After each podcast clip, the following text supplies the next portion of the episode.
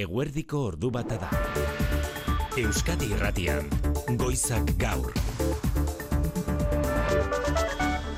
Arratxalde on guztioi, Eusko Alderri Jeltzaleak ere baiezko botoa emango dio Pedro Sánchez sozialistaren investidurari akordioa sinatu baitute gaur goizean Madrilen, Espainiako Kongresuan Sánchezek berak eta Andoni Hortuzar Euskadi buru batzarreko presidenteak. Sozialistek eta jeltzaleek adostu dituzten puntu nagusien artean nabarmentzekoak, batetik bi urteko epean eskualdatzea, Espainiako gobernutik jaurlaritzara Gernikako estatutua betetzeko falta diren eskumen guztiak tartean gizarte segurantzaren kudeaketaren gainekoa eta bi urteko epe horretan bertan finkatzea oinarriak Euskadiren nazio izaera aitortuko duen eta aldebikotasuna bermatuko duen estatutu berrirako.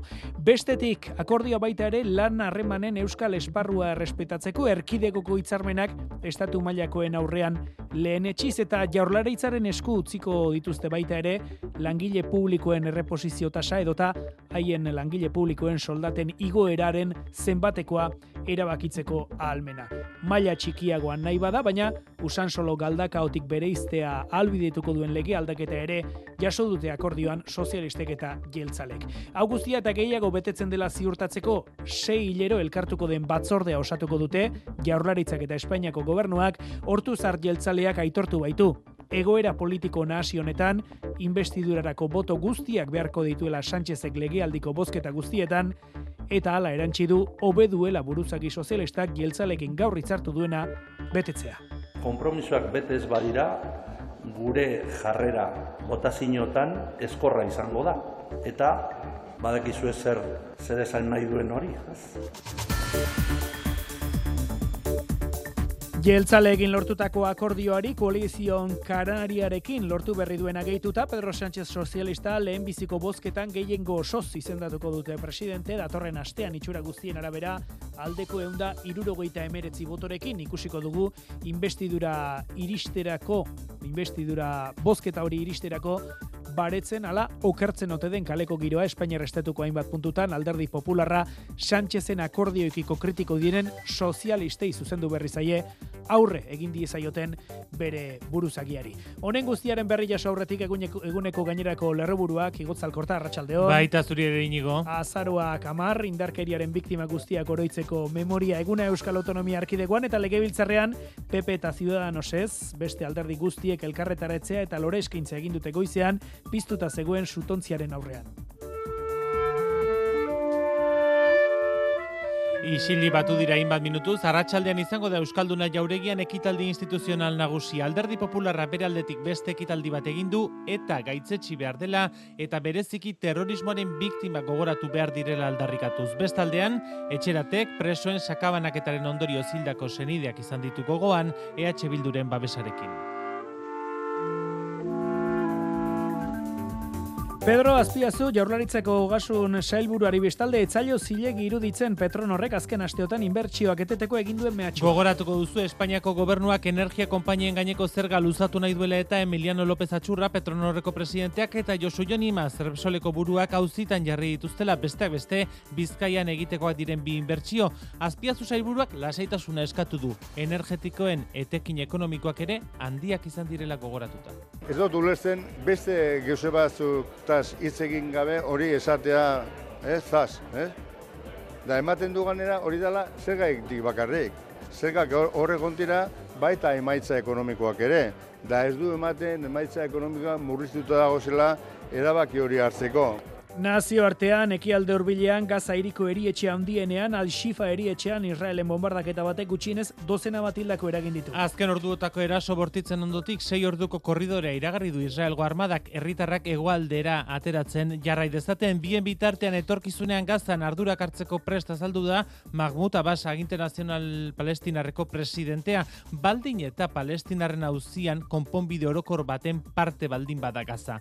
Israeldik Benjamin Netanyahu lehen ministro ministroak dio Gaza okupatzea ez dela euren asmoa. Well, first of all, we don't want seek to govern uh, Gaza. We don't seek to occupy ez dugu okupatu nahi, baina jamas garaitu arte jarraituko dutela ere erantzi dutenetan jaju. Eta atzera etxean biarritzen abian da Lurrama, Ipar Euskal Herriko laborantxaren azoka, igandera bitarte milaka lagun ikarauko dira bertatik, aurten emazte edo emakume laborarien lana ardatz dela ikerrelosegi Euskal Herriko laborantza ganberako koordinatzailea. Aurtengo gaia eh, emazteen eh, lekua, eh, laborantzan, hor interesa sortu dela publikoaren gan.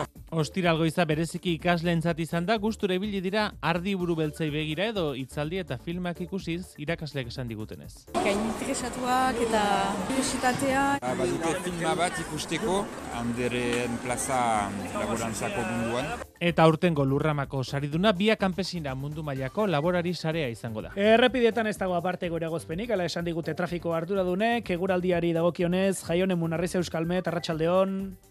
Kaixo, arratsaldeon. Goibeletik jarraituko du gaur egunak. Hori da, bai, arratsaldean kanta hori surialdean etarteka euria egingo du, batez ere kostaldean eta inguruko bailaretan, eta aldiz, bueno, ba, arabako ere muzabal batean eta nafarro erdi eta egualdean odoitza zertxo baitz zulatu egongo da, eta ateri eutxiko dio. Dena den, eh, gaualderako fronte bero bat gerturatuz jango da, eta egun amaitzerako edonone busti ezake baita egualdean ere. Eta temperatura maksimoak berriz, gaur amairu eta amase gradu artekoak izango dira. Eta aste buruari dagokionez, erra aurreratu zenezake?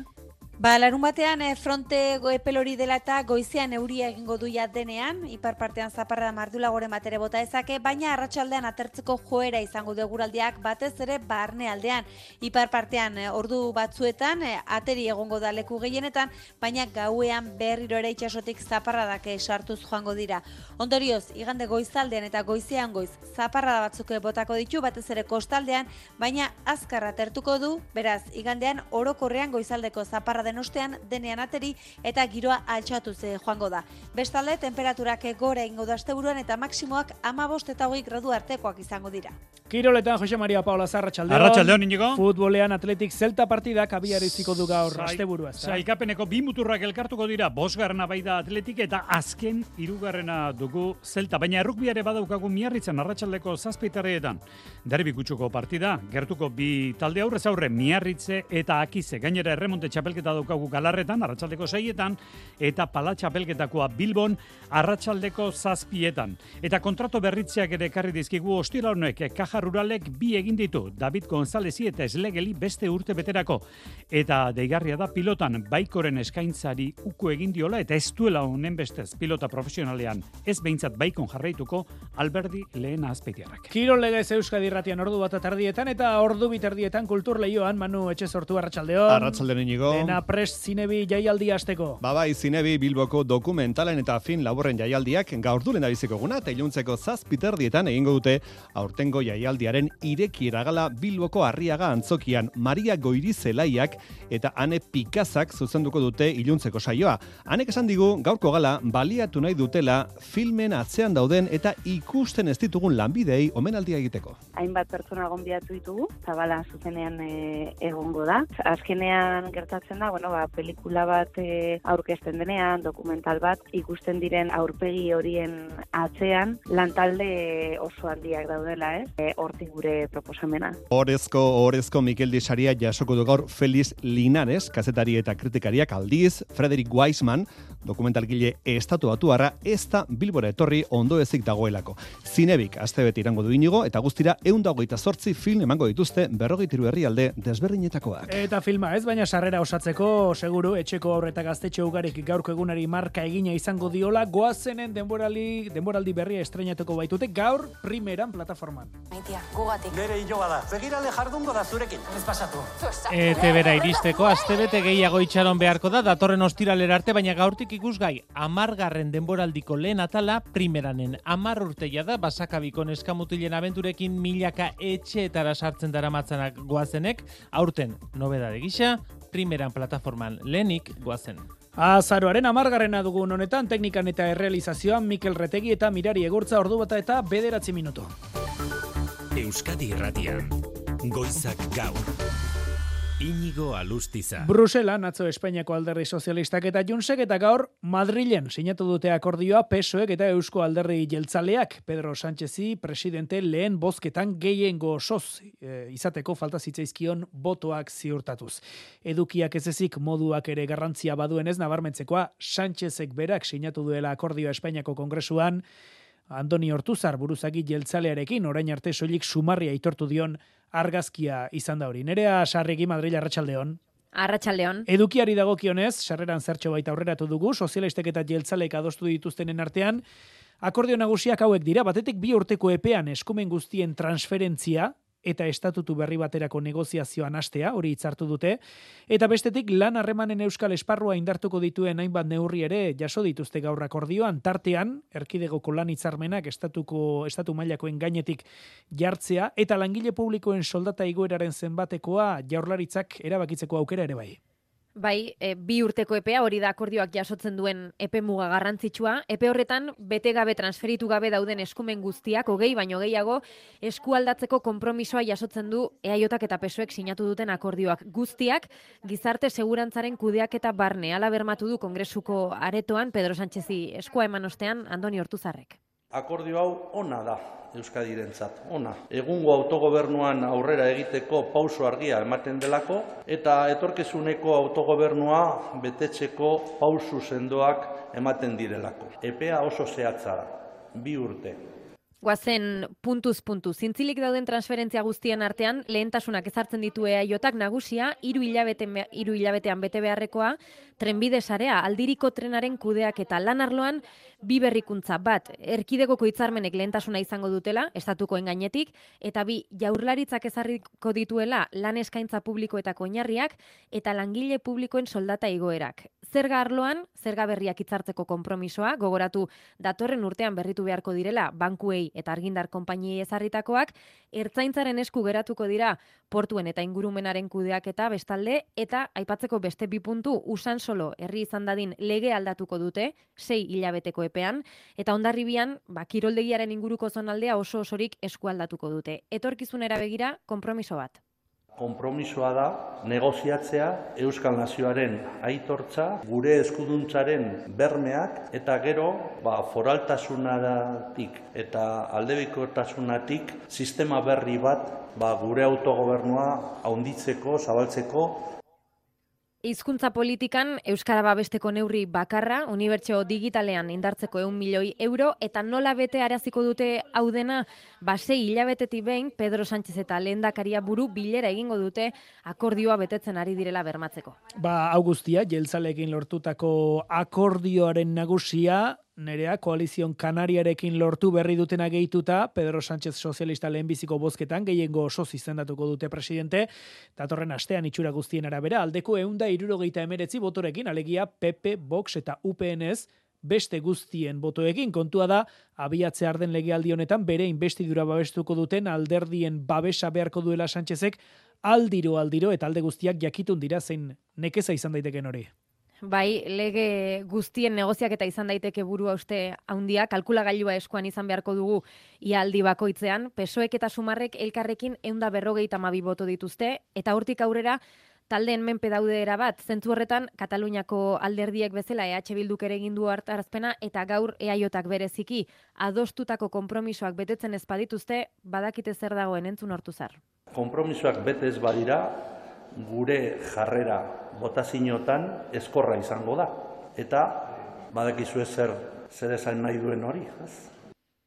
Ordubietan koalizion kanariarekin sinatuko du akordioa pesoek eta hortik aurrera zer, ba, amnistia legearen erregistroa ikusiko dugu noiz, astelena daune honetan aukera bat, e, sinatuko duten talde guztiek aztertzen dutenean, eta tarte honetan ikusiko dugu Francine Armengol Kongresuko presidenteak investidura saioari ofizialki data jartzen dion, badakizue, asteazkena eta osteguna daudela une honetan mai gainean. Eta bien bitartean, Junsek eta Pesoek lortu duten akordioak sektore kontserbadoren gan eraginduen aserreak, erabat piztuta jarraitzen du, bai arlo judizialean, bai arlo politikoan, batetik epaileen organo gorenak Europar batasunari eskatu baitio iker dezala, zuzenbide estatuari erasoa izan ote den akordioari, eta peperen izenean kuka gamarra sozialista kritikoei zuzendu zaie eskatu die aurre egin die zaiotela Sánchezi. Ba Felix Bolaños, presidentzia ministroari iruditzen zaio, gorroto diskursoak muturrera eramaten ari direla, bai PP eta bai eta Vox ere, iparra galduta bere esanetan, maialen arratibe, larratxaldeon. Bai, arratsaldeon popularrak ari direla auspotzen beldurra eta gorrotoa giroa arnastu ezina bihurtzeraino. Felix Bolaños presidentzia ministroak irakurketa hori egin du peperen jarreraz eta zuzendaritza bakarrik ez uste du alderdikide guztiak erradikalizatu direla entzun. Si es que están totalmente capturados por la ultraderecha. El discurso delirante de ayer del señor Feijó lo podía haber pronunciado el señor Abascal. Erakunde judizialen aserreari erantzunez esan du akordioaren helburua ez dela inolaz ere sententziak auzitan jartzea edo erreferenduma egitea Katalunian, naiz eta Jordi Turul juntzeko idazkari nagusiak ez duen hori baztertu. De l'autodeterminació en parlarem sempre. És a dir, això és un camí que comença a parlar-ne a la propera reunió. Lehen bileratik jarriko dutela mai gainean, baina hori bai, ez dela izango marragorri bat, adibidez, aurrekontuak onartzeko.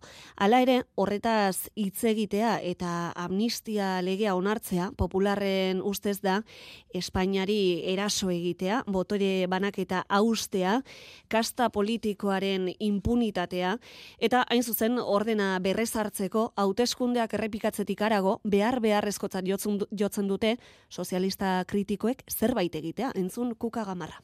Que den un paso al frente, que la sociedad española se lo reconocerá y se lo agradecerá. Y el que tenga capacidad de parar esto Eta nola bait, atea ireki dio horrela transfugismoari investidura saioan. Investidura horren zainala ere, kalean ere segiko dute protestan, igandean pepek udaletxe atarietan deitu ditu elkarretaratzeak, eta pentsatzekoa da, eskuin muturrak deituta, aterako direla gaur ere manifestariak kalera. Gogoratuko dugu, atzo istilu larriak izan zirela ferrazen Madrilen, eta poliziak atxilotu zituela, hogeita lagun guztira. Ba, zuzen ere, pepek oposizio gogorra egiten jarraituko duela, hori oartarazi digu gaur goizean Euskadi Irratiko Faktorian bingen zupiria, jaurlaritzaren bozera mailak bere esanetan hauteskundeetatik indartxo atera bai, baina agintea lortzen ez duenero alderdi popularrak egin ohi duenez, peso eren egoitzen aurrean, bereziki ferrazen azken egunotan ikusten ari garen istilu eta liskarrena atzean, gorrotoa sortzeko alegina ikusten du bingen zupiriak ikusten ari gara kaleetan, ba, nolako alegina egiten ari diren arrenkura eta gorrotoa sortzeko, ez? E, guk badakigu zer den e, gure kaleetan egunero mobilizazioak ikustea, kale borroka deitzen zitzaion, ezagutu gendun. Bueno, ba, horren antzeko zerbait gertatzen ari da Madrilen, eta ez luke inoko buruz bromarik egin beharko. Ze gauzabek nolazten diran jakineike, baina nola maituko direnez. Azaroak amar ditu gaur, azken urteotan egiten den gixan, Euskadin biktimen omenezko ekitaldi ugari antolatu dituzte erakundek eta alderdiek gaurko egunez. Batasunik gabe, beste urte batez, esango dugu, Eusko Legebiltzarrean, indarkeria mota guztietako biktimak izan dituzte gogoan asunarozena. Biktimen oroimenezko eskulturaren ondoan suontzia piztuta eta legebiltzarreko ateak zabalik zeudela egin dute indarkeria mota guztien biktimen omenezko ekitaldia. Testurik eta adierazpeni gabe lore bana jarri eta egin dute lore eskaintza inigur kuldu lendakaria eta bakartxo tejeria legebiltzarreko presidentea buruzirela PP Ciudadanos eta Voxeko ordezkaririk gabe. Arratsaldean berriz Bilbon egingo duen jaularitzak memoria eguneko ekitaldi nagusia eta urten ikuspuntua memoriaren transmisioan jarriko da. Azken hamar urteetan hezkuntzan egindako ekimenak hartuko dira bia puntuan, irakasle, ikasle, biktimak, gizarte eragile eta erakundetako ordezkariak batuko dituen ekitaldia izango da. Goizean alderdi popularrak beraldetik bere ekitaldi propioa egin du soilik etaren indarkeriaren biktima komenduna izan du. La condena de todos aquellos crímenes es imprescindible Inoiz baino gehiago gaitzespena behar dela aldarrikatu du Javier de Andres buruzagi popularrak elkar bizitza paketsua eraikitzeko. Lega biltzarretik metro gutxira, etxeratek deitu du elkarretaratzea, presoen senideak batu dira elkarretaratzea horreta, eta bertan parte hartu dute baita ere EH Bilduren ordezkariek, sakabanaketaren eraginez, Euskal Herritik kanpoko kartzeletara egindako bideietan, amase hildako izan direla, eta jasandako mina aitortzeko eskatu duten, Nerea Hernandez etxerateko ordezkaria memoria kolektibo ofizialak ordea, oraindik ez ditu aintzat hartzen presoei eta haien ingurukoei hiru hamarkada luzeetan erantsitako zigorraren bidegabekeria jasan zutenak. Dispertsioa eta urrunketa politika diseinatu eta hiru hamarkada luzeetan mantendu dutenek mina eta sufrimendua sortuko zituela jakinda egin zuten. Goizak gaur. Ordu bata eta emeretzi minutu, gazan, eraso eta bombardak eta borditzen ondotik, evakuazio korridorea zabalik dela iragarri du Israelgo armadak, zibilek egoaldera jo dezaten, gaza iparraldetik ateratzeko denbora agortzen ari dela oartarazi du Israelgo armadak. Gaza iribarnean dira, Israelgo tankeak mila desplazaturen aterpe bihurtu diren erietxeak inguratuz Jerusalemen azken ordua Mikel Aiestaran berri emaile bereziak. Mikel, Arratxaldeon. Arratxaldeon, Israelgo armadak Gaza iriko ospitale nagusien ateetan dago. Al-Shifa eta Al-Quds ospitalei eraso egin die Israelek eta izua da nagusi leku hauetan dauden milaka zauritu eta desplazatuen artean. Armadaren ustez, jamasen baseak ospitale azpian daude. Armadak Gaza iparraldea zibilez ustu nahi du eta horretarako korridorea irekita dago beste behin ere. Saladinoko errepidean lau orduko leioa irekida zibilek egualdera ebakuatu daitezen. Nazio batuek esan dute korridore hauek zinikoak eta krudelak direla azken egunetako bombardak eta masiboa ikusita eta zibilek badakitela ez dutela izango etxera bueltatzeko aukerarik erabateko txikizioa dagoelako. Gaza iparraldean egoera horixe eta bien bitartean lurraldearen etorkizun politikoaz, Benjamin Netanyahu adierazi du azken orduotan ez dela Israelen asmoa Gaza okupatzea. Aldi berean, Gazan ardura hartzeko presta saldu da gaur Mahmoud Abbas, aginte palestinarreko burua, baldin eta palestinako hauziaren konponbide orokor baten barruan baldin bada. Mertxe Etxeberria, Arratxaldeon. Arratxaldeon, Jerusalem ekialdea, Cisjordania eta Gaza barne hartuko lituzken konponbide global baten baitan baldin bada. Kasu horretan, Gazan ardura hartzeko preslegoke aginte palestinarra Mahmud Abbasen esanetan.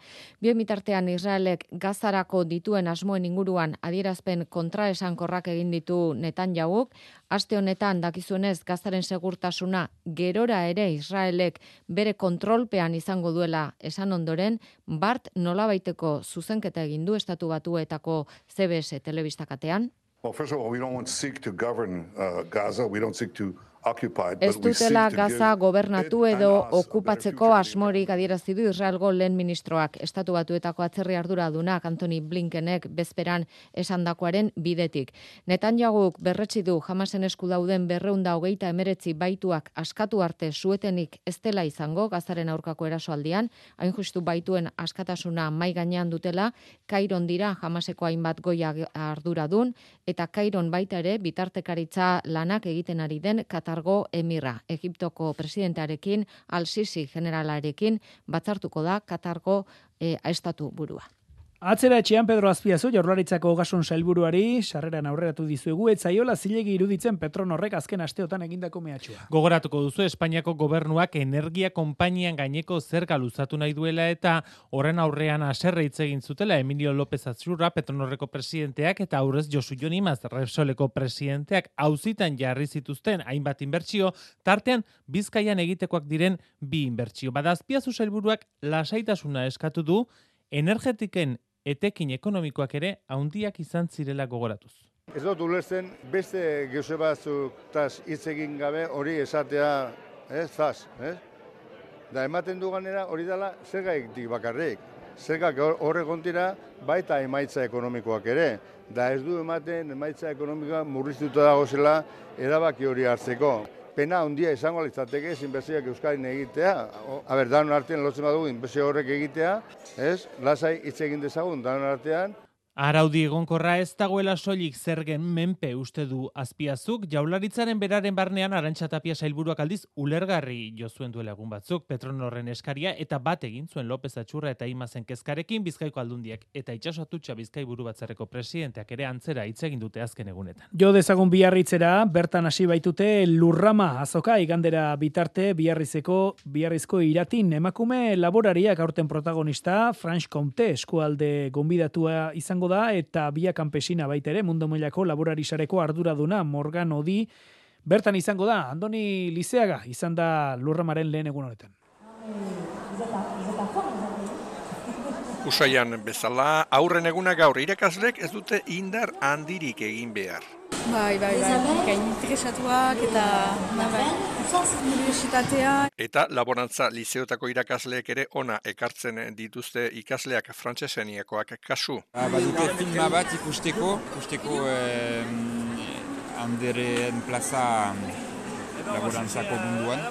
eta gero ateliak bat arratsaldean. Iker Elosegirekin mintzaldiarekin hasi da lurrama. E, beste aur batzuk, helduagoak, eh, eta arduradurak uh, direnak, uh, itzartze batzuek ilan, eta gero zineaz hasiko da gure programa ausaiakoa uh, alde bat. Titularrik, gomendiorik? Ba, aurtengo gaia e, emazten uh, lekua, eh, laborantzan, or, interesa sortu dela publikoaren gan. Adin guztietako kuriosoak. Ni baionako, baionako bainan txortu ni, eta ba, beti, ni beti gipian, beti, beti gatenitzen han bakantzetan, eta baitut olako laborantzuko, jere.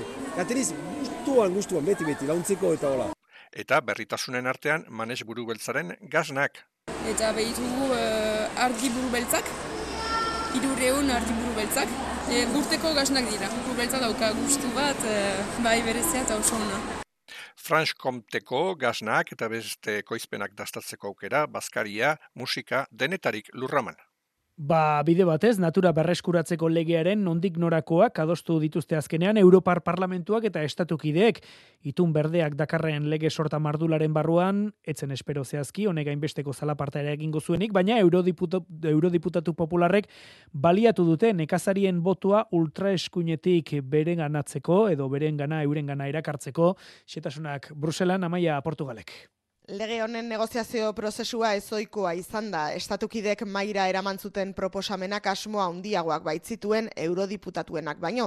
Ia beti izaten dalderantziz, baina eurodiputatu popularrek parlamentua behartu zuten bere jarrera urardotzera. Kontua kontu, parlamentuak eta kontseiluak itxi dute bart kompromisoa, 2008 marrerako lur eta uren euneko hogeia birgaitzeko, eta 2008 marrerako behar hori duten ekosistema guzti guztiak berreskuratzeko.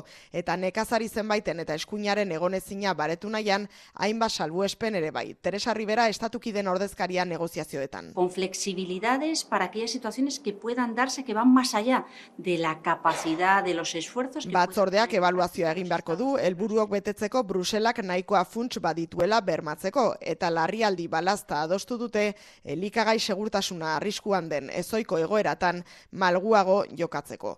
Akordioa berrestea baino ez da falta, baina aurrekariak ikusita, Europar Parlamentuaren behinbetiko bozketak piztuko du ikusmina. Atzera etxean, Nafarroako gobernuak mendekotasunari buruzko urteko seigarren txostena aurkeztu du, foru erkidegoan ama zazpi mila pertsonak dute ofizialki mendekotasuna aitortuta, hau da, Nafarren euneko 2,6. Ikerketak agerian utzi du mendekotasuna duten pertsonen kopurua azten ari dela, hala ere azken urtean erdira murriztu da diru laguntza edo zerbitzuen zain dauden, dependienteen kopurua Eli Eraso Iruña Arratsaldeon. Arratsaldeon emakume aurpegia du mendekotasunak Nafarroan, larogeita urteko emakumea, laguntza pixka batekin etxean bakarrik moldatzeko gaidena. Foru gobernuaren prestazioaren bat jasotzen dute, hain zuzen, mendekotasuna ofizialki aitortua duten, amazazpin mila, irureun dagoita malau Nafarrek. Eta aitortza horren zai daude irureun dagoita zortzi pertsona, aurreko urtean zazpireun da berrogeita marziren. Kopurua erdira murriztu dela, nabarmendu du Carmen Maestu eskubide sozialen konseilariak, eta murrizketa hori mendekotasun sistemaren kudeak eta hobetu denaren adierazletzat jodu Maestuk. que en el último año hemos reducido en un 56% el número de personas dependientes que esperaban Azterlanak berretsi du, adineko pertsona gehienek etxean alik eta luzen bizi nahi dutela, hori bermatzea da, hain justu eskubide sozialen departamentuaren erronka.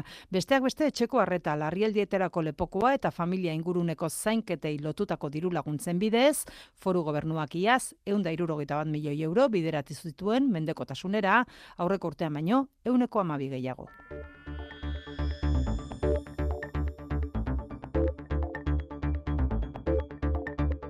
Eta horbilen geretzen zaigun informazioaren atalean, ondarruan ezin egon piztu du zornotzako elgezabal adingabe atzerritarren zentroko amar gazte gaur bertan itxas etxera eramateko bizkaiko foru aldundiak hartu duen erabakiak.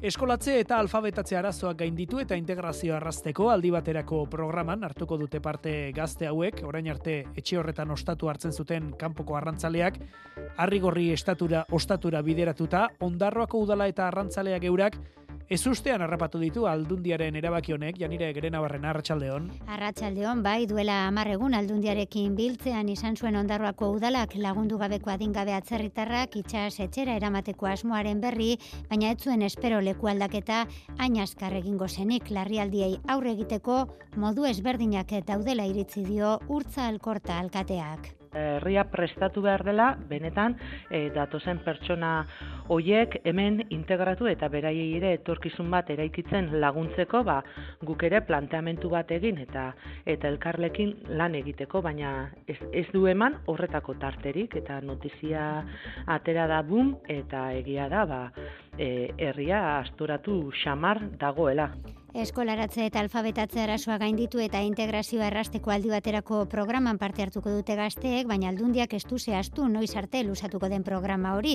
Bien bitartean, ondarroako portura, kanpotik iristen diren arrantzaleek ezingo dute, orain arte bezala, itxasetxean ostatu hartu. Aldundiak dio, aterpea bermatuko saiela, baina bai udala baita arrantzaleen kofradia ere, kezkatuta agertu dira informazio faltagatik. Azken egunetan, zenbait arrantzaleek lehorrean egonda ere, ontzian lo egin behar izan dutela salatu duten. Ikamika honekin iritsi gara, arratsaldeko ordu bat atardietara.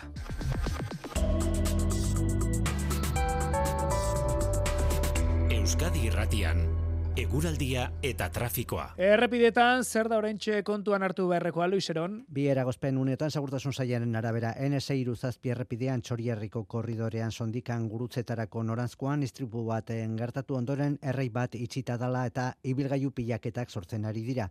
Eta Bizkaia 6-0 lau errepidean, erandion azuara bidean ere arreta, ibilgailu bat irauli ondoren. Eguraldiari dagokionez, hausia Euskalmetek datozen orduotarako egin digun iragarpena. Arratxaldean kanta hori xurialdean eta arteka euri egingo du, batez ere kostaldean eta inguruko bailaretan eta aldiz, zarabako ere muzabal batean eta nafarroa erdi eta egualdean, odeitza zertxo baite zulatu gongo da eta ateri eutxiko dio. Gaualderako ordea fronte bero bat gerturatuz joango da eta egun amaitzerako edono busti dezake baita egualdean ere. Ondorio ze larun bat goizean euria egingo du denean, baina arratsaldean atertzeko joera izango du eguraldiak, batez ere barnealdean.